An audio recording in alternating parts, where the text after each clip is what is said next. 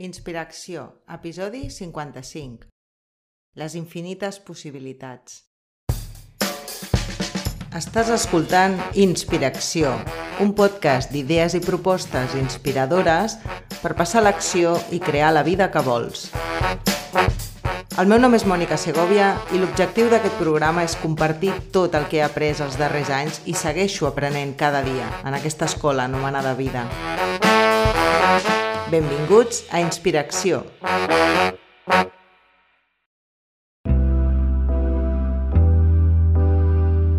La realitat que percebem en el nostre dia a dia és molt, molt, però que molt limitada respecte al que realment ens envolta. Si estiguéssim, per exemple, en un aeroport o en un supermercat ple de gent i poguéssim veure, escoltar, sentir, notar realment tot el que ens envolta, el nostre sistema nerviós col·lapsaria. Tota la gamma de colors que realment existeix, totes les emocions de les persones que ens envolten, tots els sons, les olors... És impossible percebre-ho tot, però no per això deixa de ser-hi. El nostre sistema nerviós no està dissenyat per rebre tantíssima informació i fa moltíssims filtres fins que ens arriba el que sigui que ens arriba. Per tant, la informació que ens arriba sobre la realitat que estem vivint i experimentant és superlimitada, però alhora altres realitats estan coexistint a la vegada, encara que nosaltres no les puguem percebre. Aquí és on entra el camp de les infinites possibilitats. Hi ha tantes realitats com persones al món, o sigui, més de 7 bilions. Totes són certes i totes són vàlides. Cap és menys o més valuosa que una altra. Cadascú experimenta el que està condicionat a experimentar. Hi ha molts factors que influeixen en aquest filtre. Primer de tot, a nivell cerebral, tenim el sistema reticular, que no és res més que un circuit de diversos nuclis neuronals on estan implicades moltes funcions, totes elles fonamentals per la nostra supervivència, com ara l'atenció, on posem el focus d'atenció, i també els trànsits de somni i vigília, entre d'altres. Aquest sistema neuronal el pots visualitzar com, com un casquet que envolta el cervell i que està format per multitud de xarxes de connectors i són la porta que connecta el subconscient i el conscient. O sigui, aquest sistema és com, com el porter de la discoteca que diu tu entres i tu no entres. I quins són els requisits perquè et deixin entrar al local?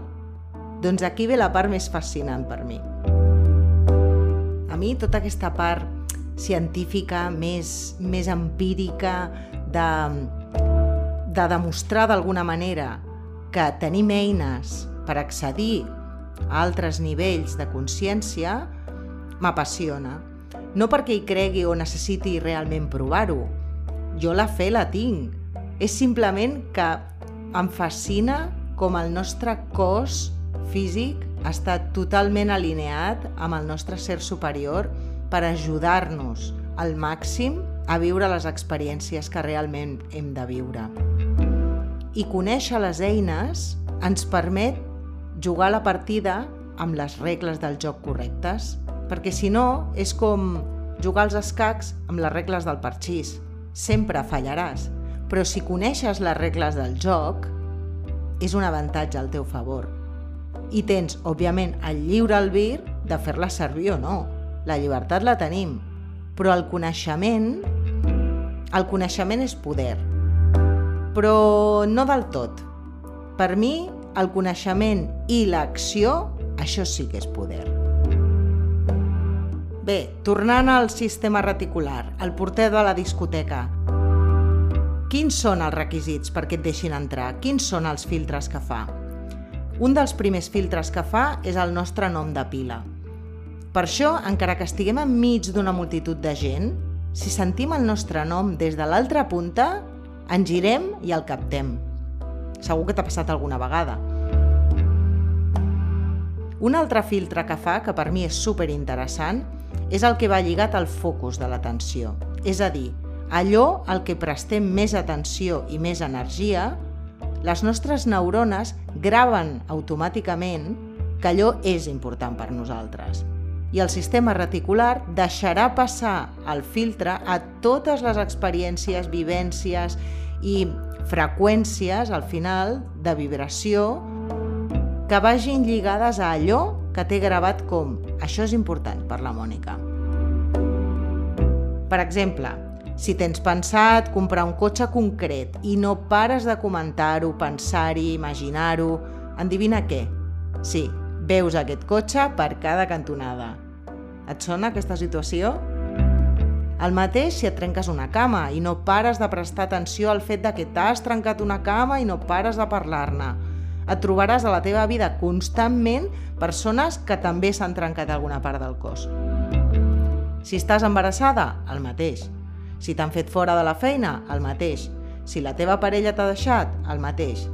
Sigui el que sigui, si li poses tota la teva atenció de forma intensa, les teves neurones graven que allò és el que han de filtrar. En altres paraules, et portaran evidències que constatin el que estàs pensant constantment. És brutal com el nostre cervell està totalment al nostre cervell i ens dona allò que li demanem. Un punt clau quan saps això és que, per una banda, confirma que realment co-creem la nostra realitat. I, en segon lloc, ens dona tot el poder per donar-li les directrius que volem, perquè filtri allò que volem. Tot depèn de nosaltres. Què és important per mi? Aquesta és la pregunta clau. Recorda que allà on ens enfoquem, l'energia s'expandeix. Al final tot és energia i tot està connectat. Per tant, si estem constantment pensant en el que no volem, en el que volem evitar o en els nostres problemes, més evidències arribaran a la nostra vida per confirmar que tenim raó. Si no pares de pensar en deutes, més deutes vindran. Si no pares de pensar en què vols evitar trobar-te una persona pel carrer, més probabilitats hi ha de que te la trobis. Un altre filtre vital que fa el nostre sistema reticular està basat en la nostra supervivència és el que ens alerta d'un perill. Però aquí un matís molt important. Pot ser un perill real, com ara un cotxe que ve a tota velocitat o algú que se t'acosta pel darrere, o pot ser un perill basat en les nostres creences limitants. Si, per exemple, fa molt de temps que tens aparcat un somni de crear algun projecte, un llibre, una cançó, un vestit, muntar una empresa, és igual, el que sigui. I la teva ment automàticament va a l'arxiu d'experiències del passat i llavors et ve amb històries de que no pots, no ets capaç, no tens res bo per oferir, si t'arrisques potser et va malament i la gent se n'enriurà, aquella vegada fa 10 anys ja ho vas intentar i no et va anar bé, canviar de carrera professional ara és molt difícil, ja ets massa gran, bla, bla, bla, bla, bla, bla. Això són creences limitants. Són creences que hem après al llarg de la nostra vida. No són reals.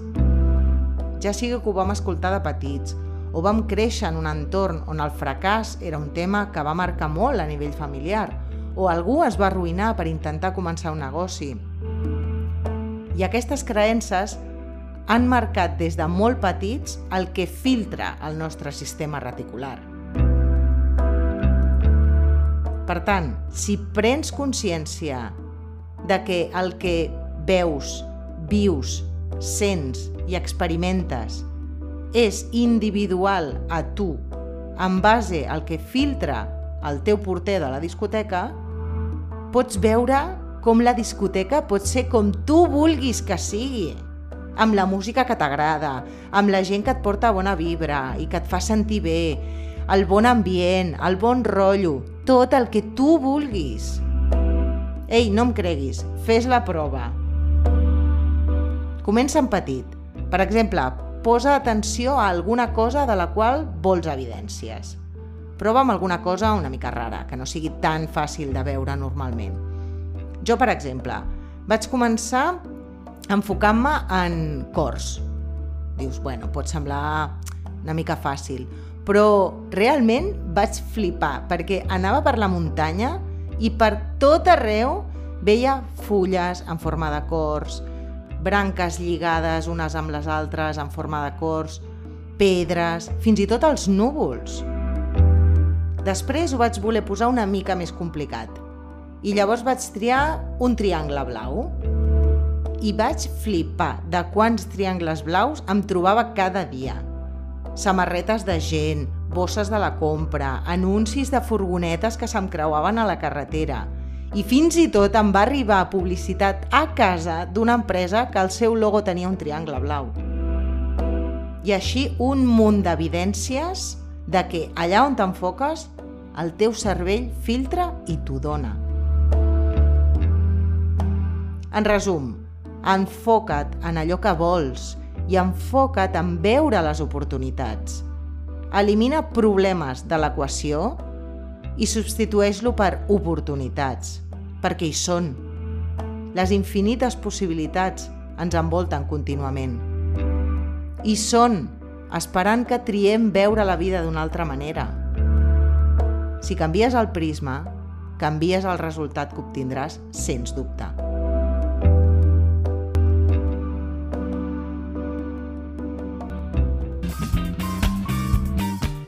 Ens trobem al proper episodi. Una abraçada!